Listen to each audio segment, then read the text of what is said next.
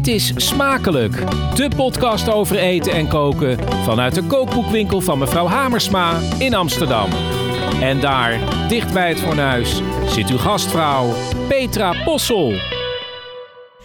Dit is Smakelijk, de podcast over eten en koken. En ik zit hier tussen de kookboeken en de wijnflessen in de keuken van kookboekenwinkel mevrouw Hamersma in de Amsterdamse Pijp. Dat is in de Gerard Douwstraat. En op deze plek praat ik elke week met culinaire gasten zoals koks, kookboekenschrijvers, producenten, boeren, culturele lekkerbekken en ook culinair journalisten. En de plofs die u hoort, dat zijn wijnglazen die alvast worden ingedekt. Want er gaat vandaag geproefd worden en natuurlijk gekookt en gedronken. En thuis kun je meedoen door een recept in te sturen.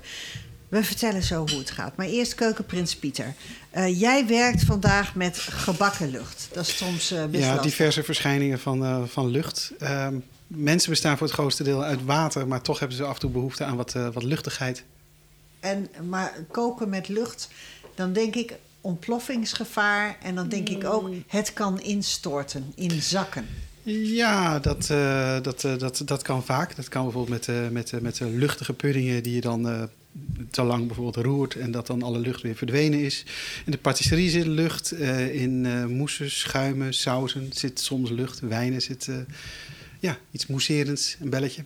En ja. daar gaan we dingen van proeven. Ja, want het is een hele kleine stap naar onze gast van vandaag. Ik wou eerst eigenlijk zeggen, van gebakken lucht is het een, slechts een kleine stap. Wijnschrijver Harold Hamersma. Hallo Petra. Fijn dat je hier bent. Ik was dit, toevallig in de buurt. Ja, was in de buurt, want dit is gewoon, dit is jouw common ground, is dit, hè? Ja, zo is het. Eigenlijk is het een beetje mijn schuld uh, waar we nu zitten. Of een soort gezamenlijke schuld. Ja, ja. Wel voor de volgende ronde. Ik zit ondertussen de champagneglazen te poeleren. Zit er al een vijf in de klok? Zit ja. er al zit. Nou, dit is, we gaan het hebben over een drank waar wat mij betreft 24-7 de vijver in de klok zit. Maar daarover zo meer. Ja, dit, we, we zochten mevrouw Hamersma en ik ooit een werkplek voor uh, de activiteiten van de Grote Hamersma. Ja.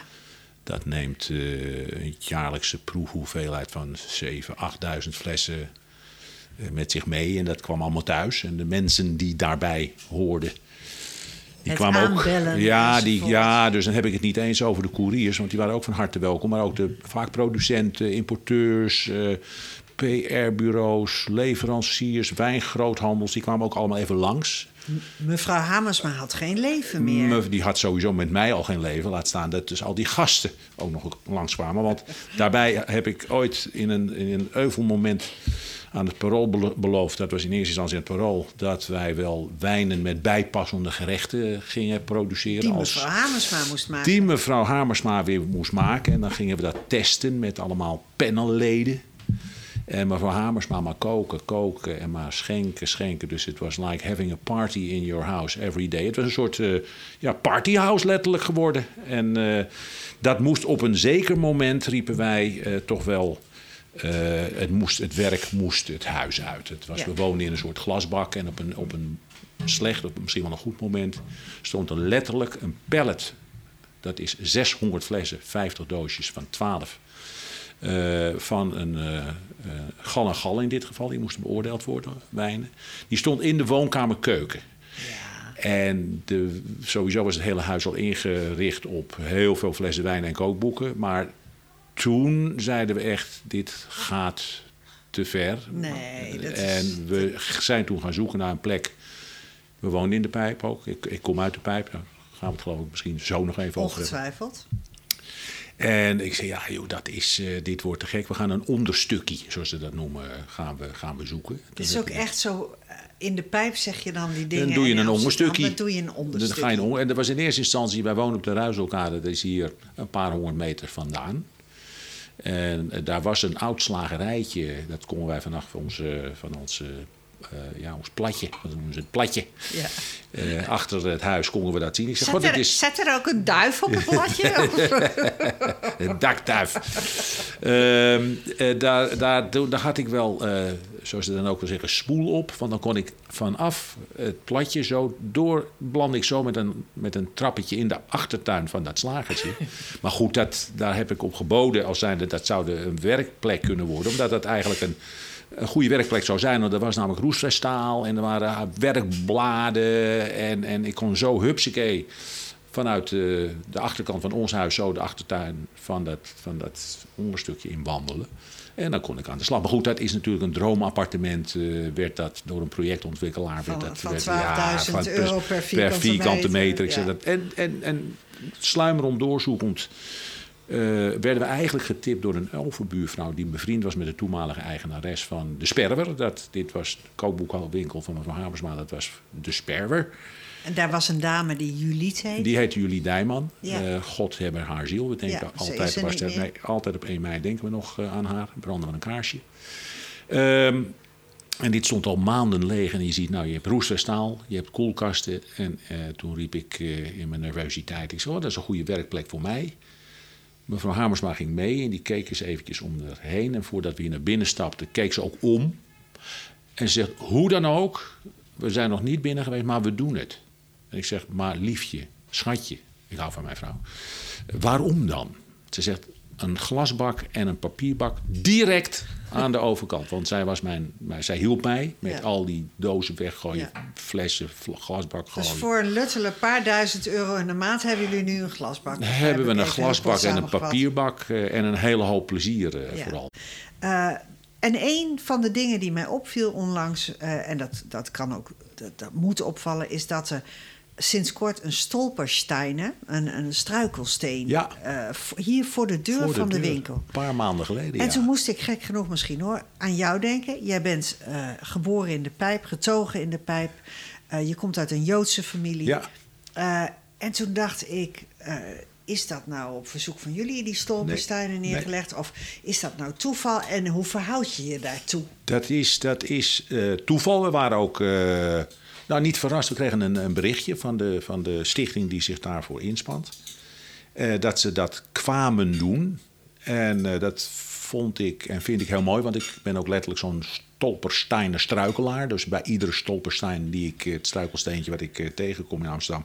Ja, daar ga ik toch altijd even kijken. Want het is een herinnering aan families of mensen die eh, weggevoerd zijn. in- Vanaf dat specifieke adres. Ja. Dus hier hebben Joodse mensen tijdens de oorlog eh, ondergedoken gezeten of gewoond. Dat weet ik niet, gewoond. En daar staat dan op wanneer ze zijn eh, Opgehaald. opgehaald en wanneer ze zijn overleden, als dat Ja. is achter- achterhalen. Of als ze, dat wordt wel eens vergeten, of dat ze nog dat ze niet gesneuveld zijn, of dus niet zijn vermoord in Auschwitz of Sobibor. Eh, dat staat er dan ook bij. Ja. Eh, en eh, ze kwamen het hier plaatsen en er kwamen, er kwamen een aantal mensen die stonden op de stoep, bloemetje, foto's maken. Ja. En ik was in eerste instantie enorm extra ontroerd doordat ik de naam niet goed las. Degene die hier zijn weggevoerd, dat was de familie Visschraper. Ja. Typisch eh, Joodse naam. En dat raakte mij enorm omdat het, de tante van mijn moeder, die heette Visjager. En ik dacht dat dat er stond. En ik, ik zeg, we zijn een soort connected. Wij zijn Ja. familie. Ja. Niks Maar- is voor nee, niets nee, is nee, voor nee, niets. nee. Dus het is eh, mijn, mijn eh, tante, of de tante van mijn moeder, dus het zusje van haar moeder. Ja. Tante Branka Visjager Mok. Die, eh, die is in eh Sobibor omgekomen Die met haar, met haar zes Ja. eh, kindjes. En Ja. dat waren nichtjes van mijn moeder. Dus ja, dat, dat zijn, eh, als ik erover praat, eh, emotioneert het me ook Ja. eh, meteen. Want ik dacht ook meteen aan jouw moeder. Eh, Ja. jouw moeder is ook eigenlijk, die, die, die is op leeftijd, maar die wandelt kwiek en vrij door de binnenstad van Die Amsterdam. noemt zichzelf ook de wandelende Jood, Ja. letterlijk. En dat is ze ook. En dus ook. wandelt ze hier ook wel eens langs de winkel, langs de kookstudio. En, en, en ik moest opeens denken van... eh, want je hebt veel geschreven, hè? je hebt boeken geschreven... waarin jouw jeugd Ja. eh, een, een belangrijke... eh, hè, ja, dat gaat over je jeugd, Ja. over je jeugd. Onder de rook van Heineken. Onder de rook van eerste Heineken, ja, autobiografie, eh, autobiografisch boek gaat, gaat over die geschiedenis van je familie. In hoeverre heb jij nou het idee eigenlijk dat, dat de oorlog doorklinkt in alles wat daarna is gebeurd? Want jij bent ook van. Ja, ik ben van, van exact, ja, eigenlijk. Dat is, we zijn echt wel een, eh, laat ik zeggen, een, een directe post-oorloggeneratie. Ik bedoel, van 56. Ja. En toen zong de oorlog nog een beetje na in, in eh, het hele doen en laten en voelen, denk ik, van, eh, van mijn familie. Van mijn vader en moeder. Mijn moeder dus van Joods oorsprong. Mijn vader eh, ondergedoken geweest vanwege het arbeidseinsatz. Eh, die is dus eh, met geld in zijn knuis door zijn vader toen hij... Hij was van eh, 29, zeg ik uit mijn hoofd. Dus toen hij een jaar of 14, 15 was, is hij naar het oosten gevlucht. En ik heb wat geld van zijn vader mee in de gedachte van... nou ja, hier heb je het.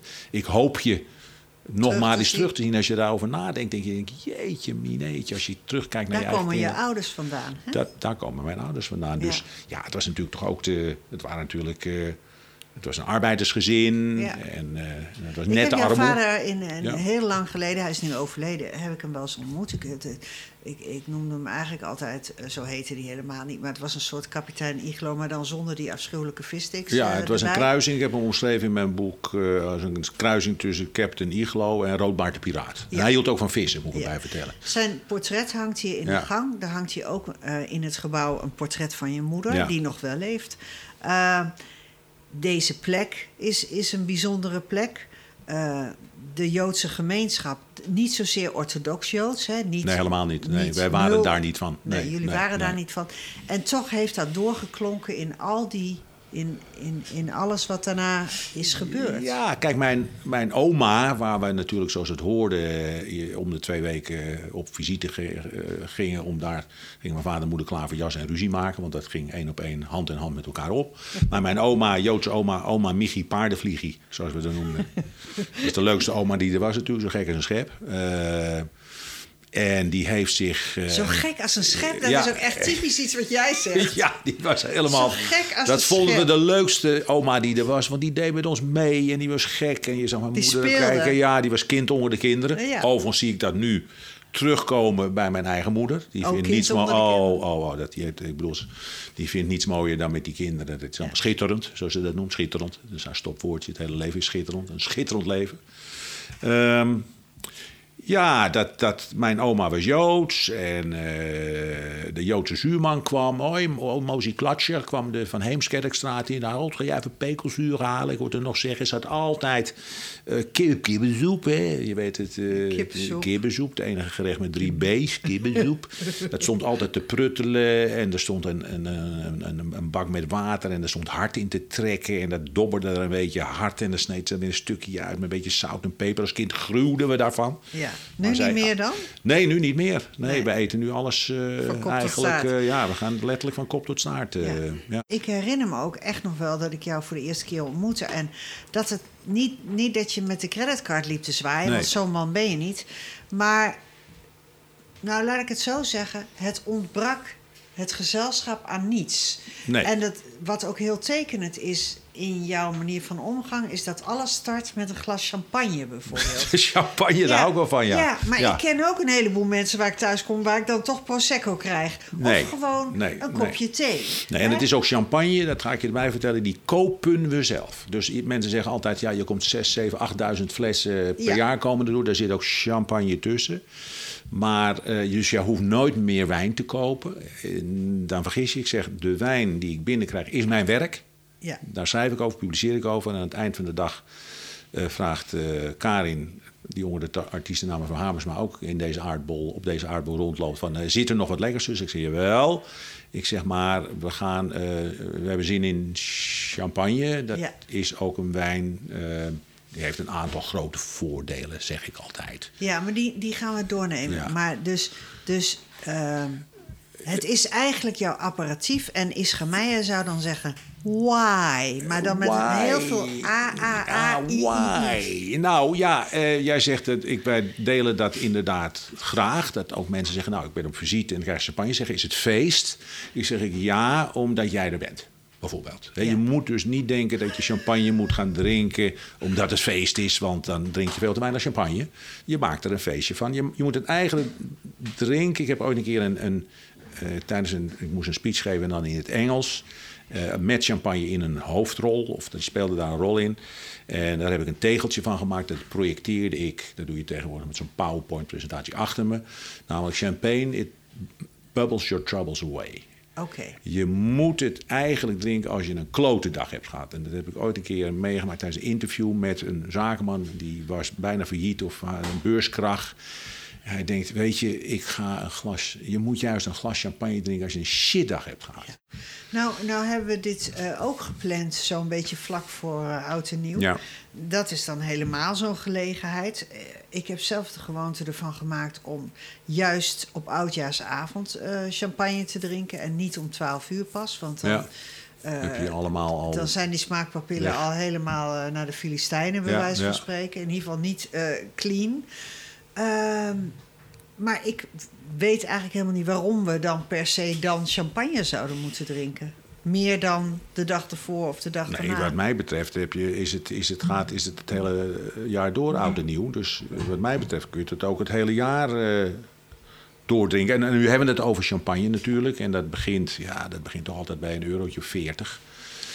Fatsoenlijke Dus- champagne kost een euro of 40. Ja, daar begint de, de non-vintage champagne. Hè, dus Ja. de wijnen die zonder jaartal op de fles uh, tot ons komen. Wat ongeveer, geloof ik, 6 of 97 procent van alle champagnes die we Zo. drinken is een non-vintage champagne. Dat is vaak de, ja, het, ik roep maar het, het roodmerk van het, wijn, van het champagnehuis. Hè. Dat is waar ze het meeste van verkopen. Dat is hun signature, dat is hun blend. Daar staan ze op voor dat ze die stijl eh, vertegenwoordigen. En dat is non-vintage. En dan alleen in heel goede jaren. Dat de Chardonnay bijvoorbeeld heel goed heeft gedaan. Of de Pinot Noir of de Pinot Meunier.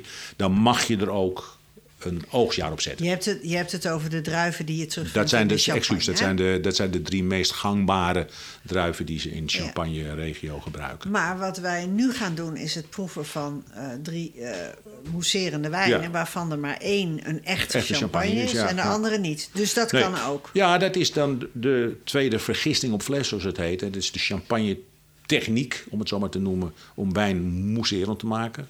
Ja. Eh, dat kun je ook in andere regio's eh, dan eh, de Champagne-regio doen. En ja, dan is het alleen als het, in Frank uit het, als het uit Frankrijk komt, dan is het geen champagne meer. Maar dan is het een crémant.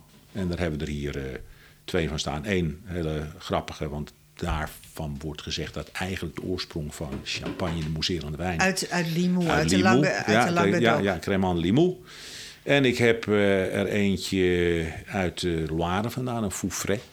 En dat is- dat is een, ja, dat is een uh, Cremant de Loire dan, of in ieder geval een Foufret. Ja, die is wat, wat, wat hoger in de zuren. En ze die dan. heeft, eh, ja, dat heeft, ja, dat is typisch Chinees. Die heeft wat een rijkere aanzet in zijn fruit.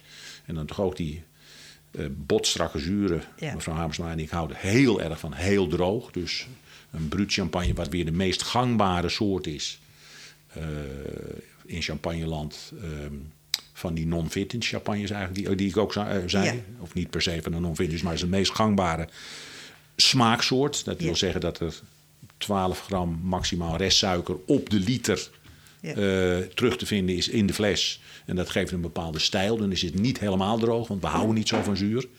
De meeste mensen houden niet zo van zuur. Want jullie wel. Wij houden heel Jullie erg... zijn zuurbekkies. Nou ja, we, we- het is vaak dat je dan zegt dat dat misschien de acquired taste is. Is dat je steeds droger gaat drinken. Het is net zoals met, hoe begin je met koffie drinken? Nou, is het eh, kinderkoffie met een hoop melk, Heel veel melk. en suiker. En naarmate je ouder wordt, ga je steeds vaker naar pure bitters, ristretto's en eh, noem ja. het allemaal maar op. Ja. Dat geldt ook misschien, maar ik, ik, pleit nu, of ik pleit nu voor mijn, voor mijn eigen smaak. Wij houden van eh, extra bruut Ja. of zero dosage of... eh, Zero dosage, dat gaat over de toevoeging van suiker. ja, die, die- dat, dat gist, is uit eh, 0 gram heb je dan. Hè? Dan zit je 0 of misschien 2 gram zit er dan in. En dan heet het nog steeds een zero dosage. Maar wat is nou de volgorde? Want we hebben nu drie, je Ja. zei het al. En we hebben ook drie eh, eh, nou, hapjes, kleine mini-gerechtjes, Ja. amuses, hè, keukenprins Pieter. Waarin lucht een eh, belangrijke rol speelt.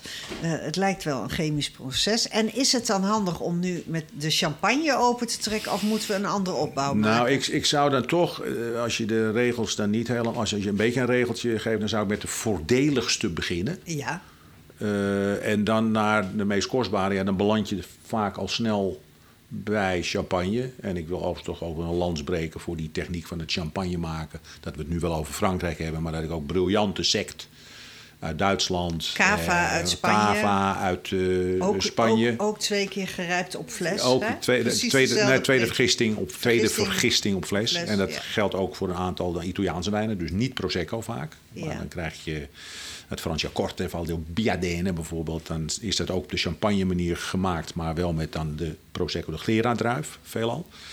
Ehm, ja, dat is ook diezelfde. En dat kan ook in eh, Chili en ook in Ja. eh, Australië. Dan Ja. heet het Sparklings, Engeland. eh, waar dezelfde kalksoorten te vinden zijn. Omdat dat onder het kanaal doorloopt en in Oh, het ja. zuiden van Engeland boven komt. Ja, dan kom je, kom je dat daar weer. eh, eh, daar hebben ze ook Engels. Engeland spreekt zo- speelt sowieso een, eh, een, een, een rol in het ontstaan van mousserende wijn. Het is het land waar de meeste champagne wordt gedronken ook. Oh, is dat Ja, zo? nou, nu niet meer hoor, want ze hebben helemaal geen geld Ze hebben meer. geen- Per, ze- per ze dobberen. inwoner of, of in hectoliters? Of, Per- in, ja, in, in hoeveelheden. Letterlijk. Maar als jij zegt je moet met de goedkope eh, nu ja, beginnen... Is voordelig dat dan, hè, goedkoop klinkt altijd zo Ja. naar. Dan, dan hebben we in dit geval een crème de limoux.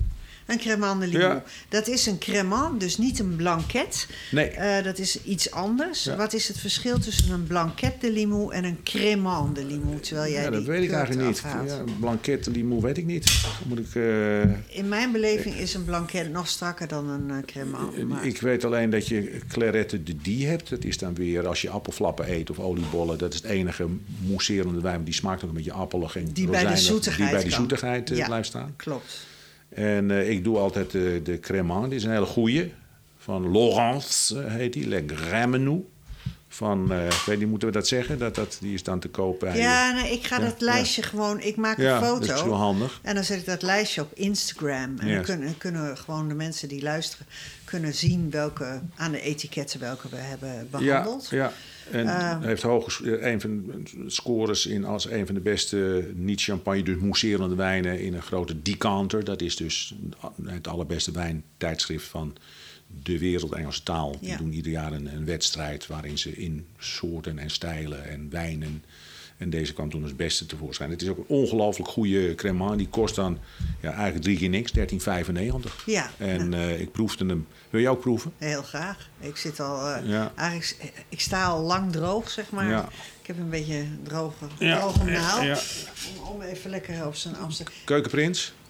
Ja, dat, eh, dat spreekt me wel aan. Absoluut. Keukenprins, jij hebt eh, iets gemaakt met, met, ja, waarin lucht een rol speelt. Eh, wat, wat, wat bubbelt er eh, op ons amusebordje? Nou, het bubbel is in de oven gebeurd. Het is eh, ehm, technisch gesproken een hartige soes. Maar dan niet met een hartige vulling, maar met een hartige smaak. Hij is, de hartigheid is meegebakken. Ik heb hier voor het eerst kennis meegemaakt via een collega Marianne Rosenberg. En zij heeft me ook de techniek laten zien met siliconen matjes, waardoor je nou, mooie paddenstoelachtige soezen krijgt. Eh soezen betekent eh, een soezendeeg koken. Het is een tweetrapsraket. Eh, een vloeistof, water, melk met eh, eh, bloem aan de kook brengen. Boter ook, in bepaalde verhoudingen. En dan gaan er van het vuur af eieren door en eh, een smaakmaker. Eh, in dit geval eh, is dat een, een hartige Franse kaas Ja. en wat peper. En waarom? Want dit is, dit is natuurlijk, dit heeft een, een vetje, zullen we maar zeggen. Het, is ook, het, het heeft ook lekker hartig. Waarom doet dat het zo goed bij zo'n bij zo'n eh, blanket in dit, of uh, cremant. geval? Nou, ze zeggen met wijn en food pairing kun je twee dingen doen. Je beweegt of helemaal met de smaak, dus dat de smaken van de wijn en het gerecht met elkaar meebewegen. Dat ze dus droog één op één, één op één. Ja. Dus dat wat romig en zacht. En, Ja. mm. Of je doet contrasterend. Mhm. Dus als je iets heel vettigs hebt, dan zet je er bijvoorbeeld iets haaks op met zuren. Nou, dit doet eigenlijk alle twee. Het heeft behoorlijk wat zuren, dit. Mhm. Ja, dat En het heeft wat, wat, wat romigs en zachts. Dus die, dat vettige en er zit iets hartigs zit erin. Nou, van de kaas natuurlijk. En iets vettigs.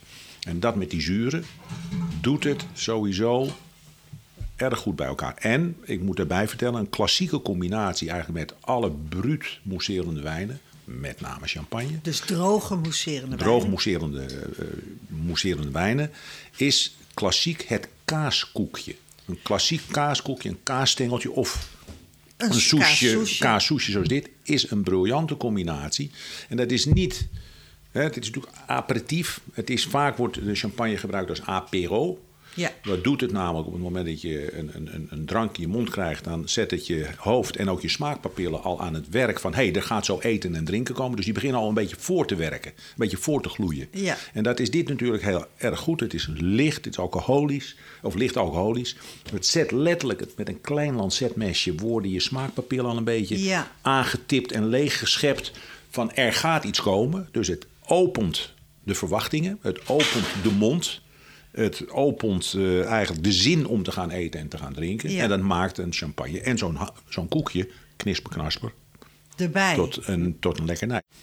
Nou, wat ik overigens nog wel aardig vind, is, schiet me net te binnen. We hebben de, de, de gougère niet met deze eh crème de limon afgestemd. Eh, mijn gedachten gaan terug naar 6 januari vorig jaar. Door een groot misverstand was ik midden in een eh, feestgewoel in een klein Frans dorpje. Het was eh, de nieuwjaarsreceptie. Burgemeester met zo'n eh, blauw-wit-rode sjerp om zijn buik. Daar werden door de lokale bakker eh, eindeloos veel gougères geserveerd. En de lokale wijnboer eh, had gesponsord met deze... eh, Crème de limon. Precies. Cremant de Limon. Ja, het is in die, po- in die streek is het eh, heel Wat doe jij tijdens drie koningen? Nou, dan ben ik in Frankrijk en dan eh, drinken wij crème de limon. Ja. Zo valt alles op zijn plek. Ja. iemand. Ja. Eh, maar die couchère, nog even één vraag. In mijn beleving kan die instorten. Ja, dat eh, geldt eh, voor alle soezen en voor veel dingen. Geldt voor veel dingen in hele het leven. leven. Hele Ja, ja, ja, Ja, niet ja, altijd ja, filosofisch. Eh, nee, er wordt eh, gebakken tussendoor. eh, zeker het eerste deel van de baktijd de oven lekker dicht laten. Dan zakt het niet, eh, niet in. Ja. En je moet natuurlijk het soezendeeg eerst goed koken. Want eh, de bloem die erin zit wordt al gegaard tijdens het koken van eh, het eh soezendeeg. Precies, anders komt het niet meer goed met die bubbels enzovoort. We gaan naar de tweede mousserende wij- wijn. Dat moet dan wel de Vouvray zijn. Ja, de Champalou, Vouvray, ja. de Loire. De Loire is natuurlijk veel noordelijker dan eh, de Languedoc, waar we Ja, net waren in ja. Limoux. En dat betekent ook dat je automatisch wat meer zuren meekrijgt. Klopt Ja. dat? Ja, nou ja, goed. Laat ik het zo zeggen. Dit is Chenin Blanc. Een, een, druif die het sowieso eh, zowel van zijn rijpe smaken moet hebben. Hè. Meloen, rijpe peer, amandeltjes kom je er vaak in tegen. Maar ook altijd langs een ruggengraat van zuren. Ja. Dat maakt die wijn zo super interessant. Ja. En daardoor kan hij dus ook zowel zoet leveren als heel droog leveren. Nou, dit is een droge. Dit is ook weer een bruut Champalou, hè, dus terrafitis. Hè, dus met respect voor het milieu, de belendende percelen en de hele omgeving eh, Ja. opgevoed.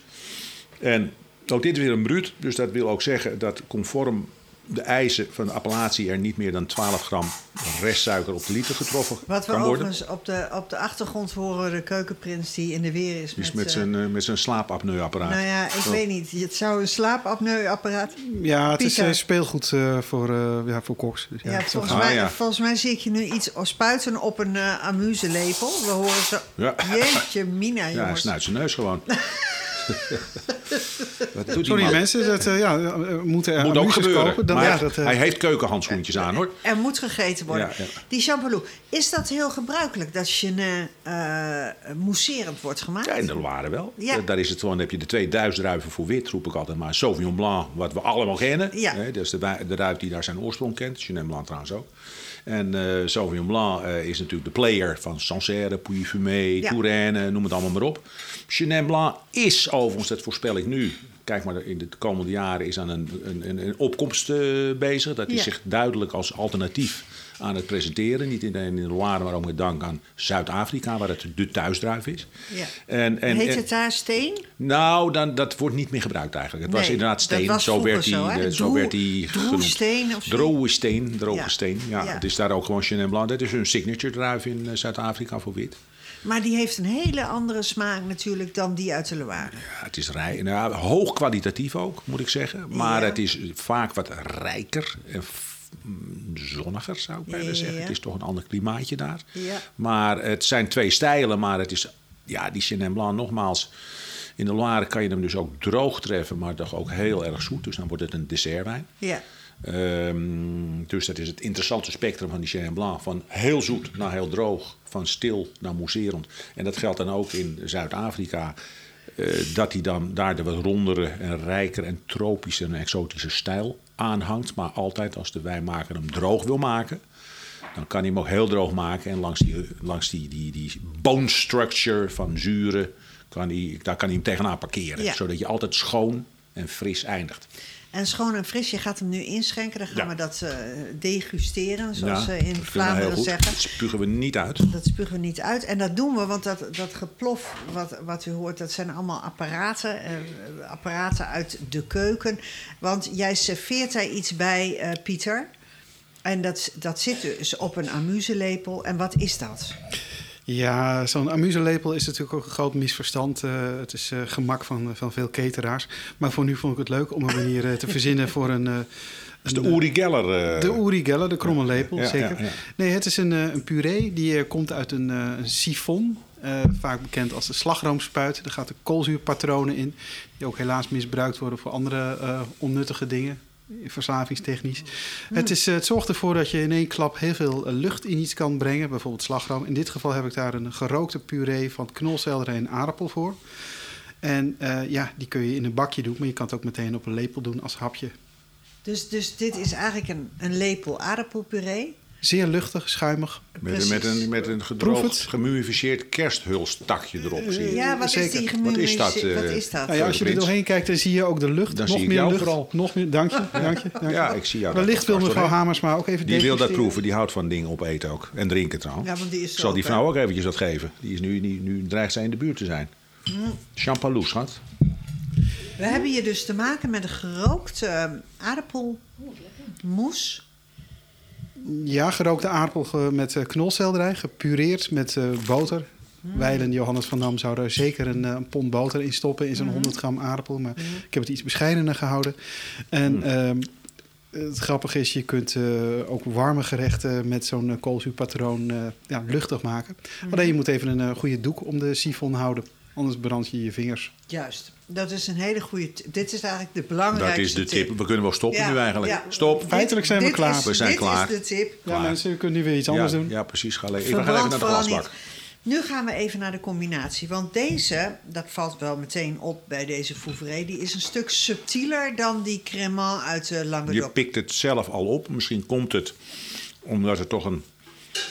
Misschien omdat het een, een cepage is. Dus een enkele druif. Juist, één soort druif, Eén dat soort noem druif, je een, cepage. cepage, monocepage om het precies eh, zo te zeggen. Ja. Misschien kun je zeggen dat het een eh, betere wijn is. Dat vind ik niet, want in een Cremant de Limoux-stijl vind ik dit heel erg goed. Het zijn andere druiven. Het is Chardonnay, Pinot Noir, eh ik dacht Chenin Blanc en Mozac, wat de, wat bij, die, bij de Limoux is. Ja, dat een is, blend van ja, een blend. En, hier, en dit is een, een, een, eigenlijk komt hij nog droger door. Hij is wat mineraler. Dat is zo'n modewoord wat ze in wijnschrijfland erg duiden voor iets waarvan we niet precies weten wat het is. Maar hij is strak, hij is knapperig en Denken knisperend. wij, dan niet, denken wij dan niet bij mineralen gewoon aan steen? Ja, maar zo is hij ook eigenlijk een beetje, een vuurstenig, Ja. een beetje krakend, een beetje knisperend, een beetje het, het, het, het, het, het, laat ik zeggen, greffel of een beetje dat witte kiesel op de Ja, oprijlaan ja. van eh, je veel te dure huis in Wassenaar. Dat een beetje knappert. En, Maar eh, daar past het dan wel goed bij, bij dat dure huis in Wassenaar. Nee, want dit kost ook maar 15 euro geloof ik. Oh, of nee, iets Dat is veel te goedkoop. voor die mensen. Die snappen dat helemaal niet. Maar ehm, ehm, daar vind je overigens de meeste goedkope wijnen. Die vind je achter die Dure oprijlaan. hè. Ja, ja, ja, maar dit geheel Maar terzijde. nu, nu is mijn vraag eigenlijk, die espuma aardappel knolselderij... die is door het rookproces Hmm. eh, is een vrij uitgesproken smaak. En is dat wel oké bij deze... Nou, ter geruststelling, maar dat geldt dus voor een mousserende, mousserende bruutwijnen in het algemeen en champagne in het bijzonder. Ja. Dat is, eh, ik heb dat in de praktijk ook een aantal keren getoetst, dat zal je niet verbazen. Eh, laten we zeggen, champagne bruut is de meest gastronomische wijn die er bestaat. Het is een soort finologische, gastronomische chameleon, omdat je die eigenlijk kunt doordrinken bij alles wat er op tafel komt. Tot en met, hoe mal het ook klinkt, de diverse kaasplank aan toe. ja, maar die kaasplank begrijp ik wel. Maar dat daarvoor, groots gebraad, rosbief... Ja, dan kan je gewoon. Ik, ik geef wel tips aan mensen. Dat je zegt, joh, als je er geen verstand van hebt, net zoals ik, en dat zijn er nou eenmaal eh, heel veel mensen die, die krijgen dan een of een hele indrukwekkende wijnkaart Ja. met honderden verschillende wijnen. Eh, Ja, eh, eh, we're lost. ja, de wall of shame noemen we dat altijd. ja, niemand, niemand snapt Of je hebt een vrij matige wijnkaart, maar je herkent wel een goede champagne op de kaart. Ja. drink dan, neem die champagne en drink dat het hele gerecht door. Het is niet zo vermoeiend, het is smakelijk. En zelfs bij groot gebraad, een rosbief of een entrecote, kun je het gewoon, dan schaadt het niet. Nee. Dan schaadt het niet. En het aardige is, nu hebben we dit gerechtje met eh, de aardpeer. Is, was het aardpeer, eh, Piet? Ja, hè? Of knolselderij? Knolselderij. Aardappel en knolselderij. Aardappel Allebei en gerookt. knols en Ja. gerookt. Maar het wel uit de aarde. Er zit iets rokerigs sowieso in die foufré al. Daar zit, die iets, vo- in die daar, zit iets, daar zit iets smokies Ja. zit erin. Een beetje in, de, in, de, in, zijn, in zijn geur, maar ook in die afdronk. Dat heeft iets alsof er geroosterde nootjes in zitten, wat Ja. niet zo is overigens. En daarom, ik heb het nog niet geproefd in de combi. Nou Zou hij mij niet verbazen? Dit is overigens, dat is wel grappig. Misschien krijg je hem nog als gast of is hij al geweest. Wilde Mand, die hier veel kookt in Ja, ons ja, weeshuis van restaurant Ja, Loze Koks. geweest. Aha, nou voilà. Die daar, eh, we schenken het heel vaak bij de hapjes in het begin. En hij doet dan bloedworst eh, in bladerdeeg, wat ook iets knapperigs met maanzaad, wat natuurlijk ook iets notigs heeft. Hij doet zijn zure zult, doet hij, met een gezouten eh agurkje erop. Dit is een briljante combinatie. Dat Ja. doen we eigenlijk altijd. Hij zegt, ik ga dit en dit doen. Ik zeg, dat komt helemaal goed. Wij doen die foufré. Foufray eh, uit de Loire, Champalou heette toch heel fris. Je zei één woordje waar ik heel erg aan bleef hangen. Ja, de rest ook wel een beetje. Oh, oké, maar gelukkig. voornamelijk dat ene woordje. En dat is eh, dat het eh, niet vervelend was. Nee. Hè? Dus niet vervelend als in niet hinderlijk. Nee. Als in heel veel wijn eh, word je log van. zeg. Ja, ja dat is, en dat is natuurlijk... Kijk, wij maken daar eh, in onze wanhoop... omdat we zoveel champagne drinken, mevrouw Hamersma en ik... maken daar grapjes over. Is dat A, om te beginnen is het heel verteerbaar en doordringbaar. Wij Ja. drinken vaak, toen we nog echt wat meer dronken dan nu... eerst een fles champagne leeg en dan zijn we... En zo, dan gaan we nu wat eh, drinken. daarna pas een Dan gingen we, nu gaan we wat drinken. Nou, ik heb in mijn praatjes en spreekbeurten die ik geef in het kader van wine entertainment in Nederland, hou ik altijd mijn eh, lieve luisteraartjes voor dat ze rustig champagne mousserend kunnen drinken, omdat daar geen alcohol in zit. Nou, dan zitten ze op het puntje van een stoel. En dan leg ik uit waarom dat zo is. Ik zeg, er zitten zoveel belletjes in. Er is geen ruimte voor de alcohol. En dan heb je altijd mensen die vragen: Meent u dat nou echt? Ik zeg: Nee. Nee, zeg ik dan. Dat meen je- ik niet. Even maar- een waarschuwing voor Nee, de dus, dus ja, ja, precies. Dat is de. Niet Word mee je- achter het ja, stuur. ja. Ik zat het eerst te denken, word je al eh gesoeld door de verslavingskliniek? Door, door de, mijn of word je vrienden. juist gesponsord nee, door de door de? Ja, daar gesoerd door. We hebben natuurlijk de stappen. Dat zijn de anti-alcohol fundamentalisten. Hè, dus de anti-alcohol Taliban, zoals ik ze noem. Die willen mij altijd eh, proberen te soeën. Maar eh, ach, We, gaan, eh, we maken nu snel een stap naar Oh. de... Ja, dat gaan we doen. Ja. Naar de, jouw favorieten. Ja. En ook tevens van mevrouw Hamersma. En van vele Champagne. sterrenrestaurants inmiddels. Champagne. Maar deze champagne ook, hè? Nou, ja. Champagne. Ja. Deze champagne. Ja. Vertel maar. ja Want hij kost geen 130 euro. Nee, die is slechts, ik geloof slechts 45 of 46 euro. En eh, omdat wij het in dermate grote hoeveelheden afnemen, zullen we misschien wel iets korting krijgen. Ik let daar niet zo op. Uh, maar uh, niet omdat we zo rijk zijn, maar gewoon omdat we ik zeg, ja, we drinken het graag. Dit is hem. Dit is hem. En ik, ja. Ja, ontvul die naam nou. Ja, het is die, hij, hij heet Champagne Robert Moncuy. Er staat dan bij Grand Cru. Dat is een licht inflatoire term overigens, dus moet je niet je blind staren. Uh, die heet Le Grand Blanc de Blanc. Dat is een basis cuvée eigenlijk. Hè. Dus daar, daarboven komt er allemaal prachtig uh, verder uh, wordt dat gepresenteerd. Nou, dit is een Grand champagne. Blanc de Blanc. Ja, Le Grand Blanc, zo heet die. Le Grand Blanc. Het is een extra bruut. Ja, dus extra dus droog. Zo, als wij dat omschrijven, zo droog als de wikkels van een mummie met een droge huid. Dan wel zo droog als de Gobi-woestijn na een hete zomer. Jeetje, jullie hebben echt wel veel nodig ook om dat uit te Dat is om de drukken. luisteraartjes een beetje aan het lachen te maken. Want ik kan wel zeggen eh, dat die heel lekker is, maar dan zijn we allemaal afgehaakt al. Ik ik denk dat die Gobi-woestijn een heel stuk na Engeland komt qua champagneconsumptie. Ja, Dit is een, eh, Ja, mogen we zeggen, een hyperdroge champagne. Hij kost 6,47 euro. Dan kun je zeggen, ja, maar dan kun je zeggen, ja, dat, dat is niet interessant. Dat is wel interessant, want heel veel mensen kopen uh, Moët et Chandon. En de Brut Imperial. Dat is de meest verkochte, best vermarkte champagne ter Ik wereld. ken iemand die zei altijd moed en schande. Moet een schande. Ja, die is... ehm, ja, als je dat vergelijkt met deze, dan is dat ontzettend confectie en heel zoet vooral. Ja. Ja. Heel zoet. Ik denk dat zij ook letterlijk de een maximale... beetje naar de, naar de mond toegepraat, als het ware. Nou ja, dat hebben ze heel. Als ze nou ergens goed in marketing zijn en het beschermen van merken, Ja. dan is dat in champagneland. Hè? Ja. Dus eh, dat kunnen de. Ze hebben de daar- grenzen ook natuurlijk bewaard. Ze hebben de grens bewaakt. Alles wat. eh, je moet champagne zijn om de champagne te mogen heten. Een meter daarbuiten ben je al de klos. Ja, maar ook als je dus helemaal geen champagne maakt, zoals bijvoorbeeld Yves Saint Laurent, die had een parfum gemaakt en dat heette champagne. Ja. Nou, dat heeft niet lang in de schappen gestaan, kan ik Nee, je vertellen. Dat nee, ging eraf. precies. Er was een streek in Zwitserland notabene, die, heette, die heet champagne. En dan maakt ze al veel langer wijn dan champagne. Ze het alleen niet geregistreerd. Die mogen hun wijn niet meer champagne noemen. ja. Dus dat maakt het wat minder sympathiek.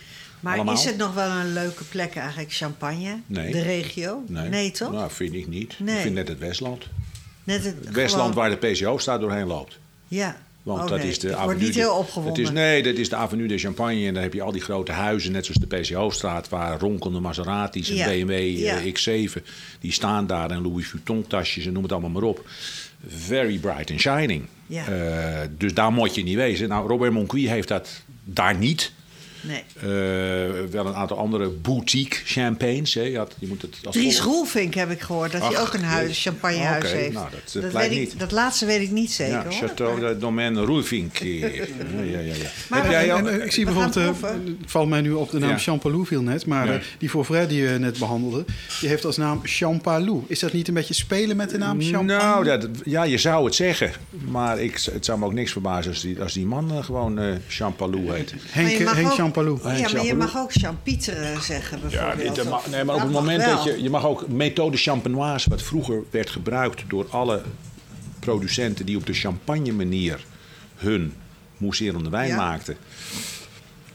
Maar eh, niet uit champagne kwamen. Nou, methode champenoise mag ook niet meer gebruikt worden. Dat hebben ze er ook afgeprocedeerd. Dat is nu Ja. methode traditioneel. Dus de traditionele manier van champagne maken, tweede vergifting of fles. Ja, ze doen dat goed. Want om heel eerlijk te zijn, we hadden er net dus Cremant de Limoux in het glas. Maar de oorsprong van, laat ik zeggen, de tweede vergisting op fles ligt in de Limoux. Nou, dat is dus het verhaal van een priester eh, of Ja. een monnik. Een monnik, Dom Perignon. Dom Perignon, die had een Ja. lange pij aan. Dat is een jurk waar... waar- ja, nou, die liep, eh, Dom Perignon, die, die, kilt, dat was de keldermeester eh, in, in Champagneland. Ja. En eh, die deed het eh, Santiago de Compostela. Dus ik noem maar het, Pieterpad voor gelovigen, om het zo maar eh, te stellen. En die kwam terug in Saint-Hilaire, geloof ik. En daar waren ze een, ja, daar waren ze mousserende wijn aan het maken. Hij vond die reuze interessant. En hij heeft eigenlijk dat recept meegenomen en het verder geperfectioneerd. Want hij was dus, hij heette wel Dom Perignon. En hij was blind, maar hij was dus bepaald niet blind en ook niet dom. Want hij heeft dat recept meegenomen en heeft het mee naar champagne genomen. En voor hem is natuurlijk een abdij, is een graf voor hem. eh, de hoogste champagne van Moët Chandon, die we voor de Brut Imperial verguizen. Dom Perignon is prachtige wijn. Eh, dat is het vlaggenschip. En dat mag alleen gemaakt worden met oogstjaar, want dan is het Dom Perignon. Het hoogste van het hoogste. Ehm, en Maar, maar het is dus wel degelijk meegebracht uit Saint-Hilaire. Dus uit... naar verluid, en is altijd een dankbare bron, maar naar verluid eh, eisen eigenlijk de Engelsen het weer op. Tom Stevenson, die in zijn eh, World Encyclopedia of Champagne and Sparkling Wine uit 1998 al schreef. Jongens, het is allemaal leuk met die Dom Perignon, maar wij waren in 1662 al veel eerder. Want Engelse wijnmakers die gooiden een klets suiker in hun wijn, mousserende wijn. Ja. En dat ging lekker schuimen. En wij waren dus de eerste. Ja. Dus Engels, eh, de Engelsen eisen dus dat, die, die eer. Weet je, Forget ik vind, ook, ik vind het ook prima Storytelling. Engels... Ja, ik bedoel, en daarbij... Ik heb toch liever champagne. Precies. En nu gaat het om de smaak. En ik durf... Ik heb al Hmm. een slokje genomen van deze Monqui, van deze champagne. Ja. En ik durf dan toch eigenlijk wel te zeggen... dat champagne is toch wel echt iets anders dan Cremant, Goede champagnes zijn onverslaanbaar. Dit is onze huischampagne ook echt. En die verveelt. En 104. waarom is dat nou... Waarom is dit nu toch... Het is ook de geur. Het is ook de geur, er zit een enorme verdieping zit erin. Het is een beetje rokerig en gistig. Maar wat hier ook heel erg in zit, vind ik... de geur die ook... eh, er zit een soort jodium touch zit erin. Een soort manzanilla, iets ziltigs, iets zoutigs. Jodium. Ik weet Ja. niet of je dat, dat is. Dat vind ik Ja. heel lekker. Ik zeg altijd zout op mijn huig in plaats van zout op mijn huid. De meester Ben- Benoit de- Groep. Ja, u, is- u is een woordkunstenaar. Dank Ja. u. Neem maar te drinken van me, beste man. Ja, ja. Keukenprins Piet. Maar Harold, ehm, even... eh, Want we krijgen hier ook iets bij te eten trouwens. Hoe- Hoeft hoe- niet per se hoor. Hoeft niet per se. Nou, Nee. nee, dat was Nee, wel lang goed. duidelijk. eh. Maar de, de, man, eh, de man, keukenprins, heeft er werk van gemaakt. Ik moet er toch iets met lucht en zo. Eh, het, Wat wordt, maak jij? het wordt een, eh, een glaasje sabayon, een variant op de Italiaanse zabaione. Dat is dus eigenlijk zoetigheid. Het is zoetigheid. Het is een, eh, een tussengerecht zou kunnen. Een, een lauwwarm dessert. Eigenlijk is het luchtige vloeibare advocaat. Juist. Suiker, eidooier en een eh, mousserende wijn. Het kan ook een stille wijn zijn. Maar over het algemeen... Dat wil zeggen eh, zonder bubbels. Zonder bubbels. Ja. Niet parelend, niet schuimend. Nee, maar dit, is, dit heb je wel degelijk gedaan met een eh, klein scheutje eh, mousserende wijn. En dat is warm en dat komt heel erg nauw. Want het Ja, ik sta ondertussen ook wat eh, te kloppen. Het gebeurt eh au bain-marie. Dat wil zeggen boven een eh, pan met eh, kokend water. Ja. Daar hangt een kom. En eh, ondertussen klop je met eh, de garde eh, eh, de lucht erin. Nou, en, door het, maar even van de tafel, want het... eh, en door het stollen eh, ja, blijft de lucht in, eh, in de soort vla eigenlijk. Nou, gaan we daar echt wel een stap in, ver in, hè, eh, Harold? Eh, enerzijds eh, de prachtige, verfijnde eh, champagne met diepgang Monqui. En dan gaan we de Sabayon bij doen. Zo. Lekker. Ja, dat is ook Tuurlijk. dat kan. Nou ja, er is één houvast wat ik onze lieve luisteraars en eigenlijk een ieder altijd wil meegeven. Is dat we natuurlijk hysterisch zijn geworden met wijn-spijscombinaties in Nederland. Vroeger hadden we dat helemaal niet. Hè. Dan wist je helemaal niet dat er sowieso wijn bij spijs kon. Het is 2014 ongeveer werd voor de eerste keer gemeten dat de consumptie toenam in Nederland van wijn in het, alg- of in het bijzonder. Dat kwam vooral omdat we toen on- hadden ontdekt dat we wijn zo lekker konden combineren met spijs. Hè. Dus eh, voor die tijd klonk het altijd: schat, drink je glas wijn op, we gaan aan tafel. Kom je ook? Ja. Eh, want dan dronken we het als aperitief of als digestief. En nu hebben we dan ontdekt dat, ja, dat bijna alles moet gecombineerd worden. We zijn ook het land waar eh, het, het wijnarrangement tot grote hoogte is gestegen inmiddels. Hè. Dus in maar ik dacht restaurants. dat we nu wel weer op het punt waren dat we dat wijnarrangement aan het, aan het verliezen Goddank, zijn. wij gebruiken het nooit, mevrouw Hamersma en ik. Wij zeggen, we nemen één goede fles met als houvast. Goede wijn past overal bij. Juist. Dus je neemt een lekkere fles gewoon waar je zin in hebt. Dat bordje helemaal die miezenmuizenhapjes die je tegenwoordig krijgt... omdat we aan het downgraden zijn. Omdat het nog wel 15 euro moet kosten, het voorgerechtje. Maar we niet meer voor 15 euro erop maar willen. dat is echt gebakken lucht. Dat is gebakken lucht aan het worden. Dus dan heb je nog heel veel in je fles. Dus wij nemen nu wat kostbaar de fles en nemen één fles. Genieten daarvan. Eten dat bordje leeg. Het is mooist. Past bij elkaar. Ja. Eh, Omdat we zin hebben in die fles. Dus we zetten de wijn centraal. En schikken het eten, de maaltijd, erin. Dus ja, eh, die sabayon die komt wel op joh. En dan is dat, dat benauwde fluitje dat is, eh, is leeg. Eh, en dan, dan hebben we nog eens kijken wat er nog in die fles zit joh. Dan Nee, drinken we daarna gewoon die fles leeg. Eh, Ik, ik, ben- ik ben daar zelf bijna helemaal aan toe.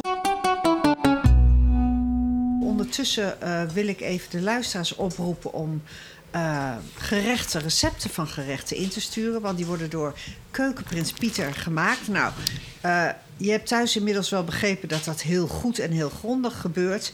Eh, dus ik ga een oproep doen. Zend vooral massaal in naar smakelijk. We zoeken naar mooiste, liefste, lekkerste gerechten uit je jeugd. Laten we zeggen dat die jeugd ophoudt bij 18 als je het huis eh, uitgaat. Sommige mensen, met name mannen, blijven tot hun 36e bij hun moeder wonen. Maar die, ja, dat doen we niet. We hebben het over jeugd. 18.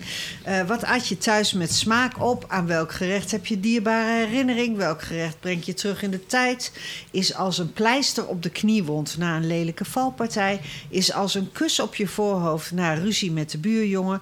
De kus van je moeder natuurlijk. Welk gerecht hoort daarbij? Ik durf het eigenlijk bijna niet aan Harold te vragen, want die schreef namelijk het boek De vrouw die water liet aanbranden. En Het ging over mijn moeder. Ja, precies. Ja, ja, bij ons eh, stopte de, ho- de hongerwinter nadat ik het huis uit was gegaan. ja, dat was ver na de oorlog. Maar is er in die hele jeugd Nee, van armoede nee, en water nee. Ja, ja, ja, wel. wel. Maar dat was gerecht. zaterdagmiddag. Ja. Dan haalde de, er was er diverse soorten brood van bakkerij Hogendoren... waar nu een yogastudio geloof ik zit in de Jacob van Kampenstraat. Ja. Ehm, en dan gingen we twee, drie soorten brood. En dan gingen we naar Loekie van de fijne vleeswaren. fijne vleeswaren en dan in gingen we daar vleeswaren halen, want dan hoefde mijn moeder niet te koken, want die had de hele week al eh, het water laten aanbranden. en dan aten wij, mijn vader die wilde dan ook wel eens een keer fatsoenlijk eten, die, dan aten we brood met, met luxe vleeswaren. Nou, dat was een feest. Dat was dat, het dat hoogtepunt. was een feest. Oh, Die is bekend als de keukenprins. Mevrouw Hamersma, in wiens eh, kookboekwinkel en, en keuken we zitten... maar die vandaag ook lijfelijk aanwezig is... om haar man te vergezellen en te steunen in dit diepte-interview. En wat wij nu gaan doen is eigenlijk het proeven van de sabayon. Want dat, daar, daar moeten we nu... eh, ik moet niet schudden met het glas, het is geen champagne. Nee, nee, nee. Het Hij blijft, moet stijf. Het, het blijft sowieso al hangen Ja, in het glas. Ik, Het is, ik, ga eh, nu, ik ga nu proeven. Ja, het is... eh, ja, of dat nu de beste vriend is van eh, Robert Moncuy. Nee. Ik weet het niet. Nee. Nou, we zeiden net, Eh, het maakt glaasje is al leeg. En het glaasje met Moncuy zit nog vol en er zit nog heel veel in de fles. Ik zou hier tot besluit dan, als, een, als, de, als de opnameapparatuur nog doorloopt, dan zou ik zeggen: doe hier nou een Muscat de Rivesaltes bij, maar dat is niet pousserend. Of een Moscato d'Asti. De schuimende allemansvriend Ja. die bij fruit, Dus- dessert, Precies, jij buigt nu toch iets zoeter af. Ja, nou, zoeter. Daar gaan we toch af. ja. En waar buig jij eigenlijk af op 31 december? Ben jij gewoon eh, met mevrouw Hamersma... Sowieso met mevrouw een- Hamersma, mijn in een grote jogging, liefde. In een joggingbroek op Nee, nee, nee. We, hebben, we zijn we net aan het herstellen van een diner bij Troef. Waar wij op 29 Restaurant december, Troef. restaurant Troef. In Amsterdam. In Amsterdam. Eh, waar wij op 29 december vieren dat mevrouw Hamersma en ik 50 jaar bij elkaar zijn. Ik durf niet naar jullie leeftijd eh, te ja, vragen. ja, we waren min 2 toen we elkaar ontmoetten. nee, dat doen we daar. Dus we zijn, we zijn, daar zitten we op 31 december met onze oudste en liefste, eh, meest trouwe vrienden. Inmiddels met kinderen en kleinkinderen. Ook 150 jaar Ook, oud. Ja, die zijn inmiddels nog ouder dan wij. En dan gaan wij ook weer Robert Moncuy eh, tot ons nemen. Kijk. En, eh, Zo gaan jullie het jaar uit en het jaar in. En dat Zo, gaat begint het, zo gaat het maar weer door. Ja. Ja. Dankjewel, luisteraars. Blijf mailen. En als je meer wil weten van eh, meneer Hamersma, de grote Hamersma, zoals we hem noemen, die ook in het AD te vinden is. En die natuurlijk te vinden is in zijn eigen reizende online almanak. Eh, stuur ons mail, want we kunnen alle vragen zoveel. Ja, we kunnen heel veel vragen beantwoorden, toch? Bijna alles, Bijna, bijna. alles. Smakelijkpodcast at gmail.com. Tot volgende week.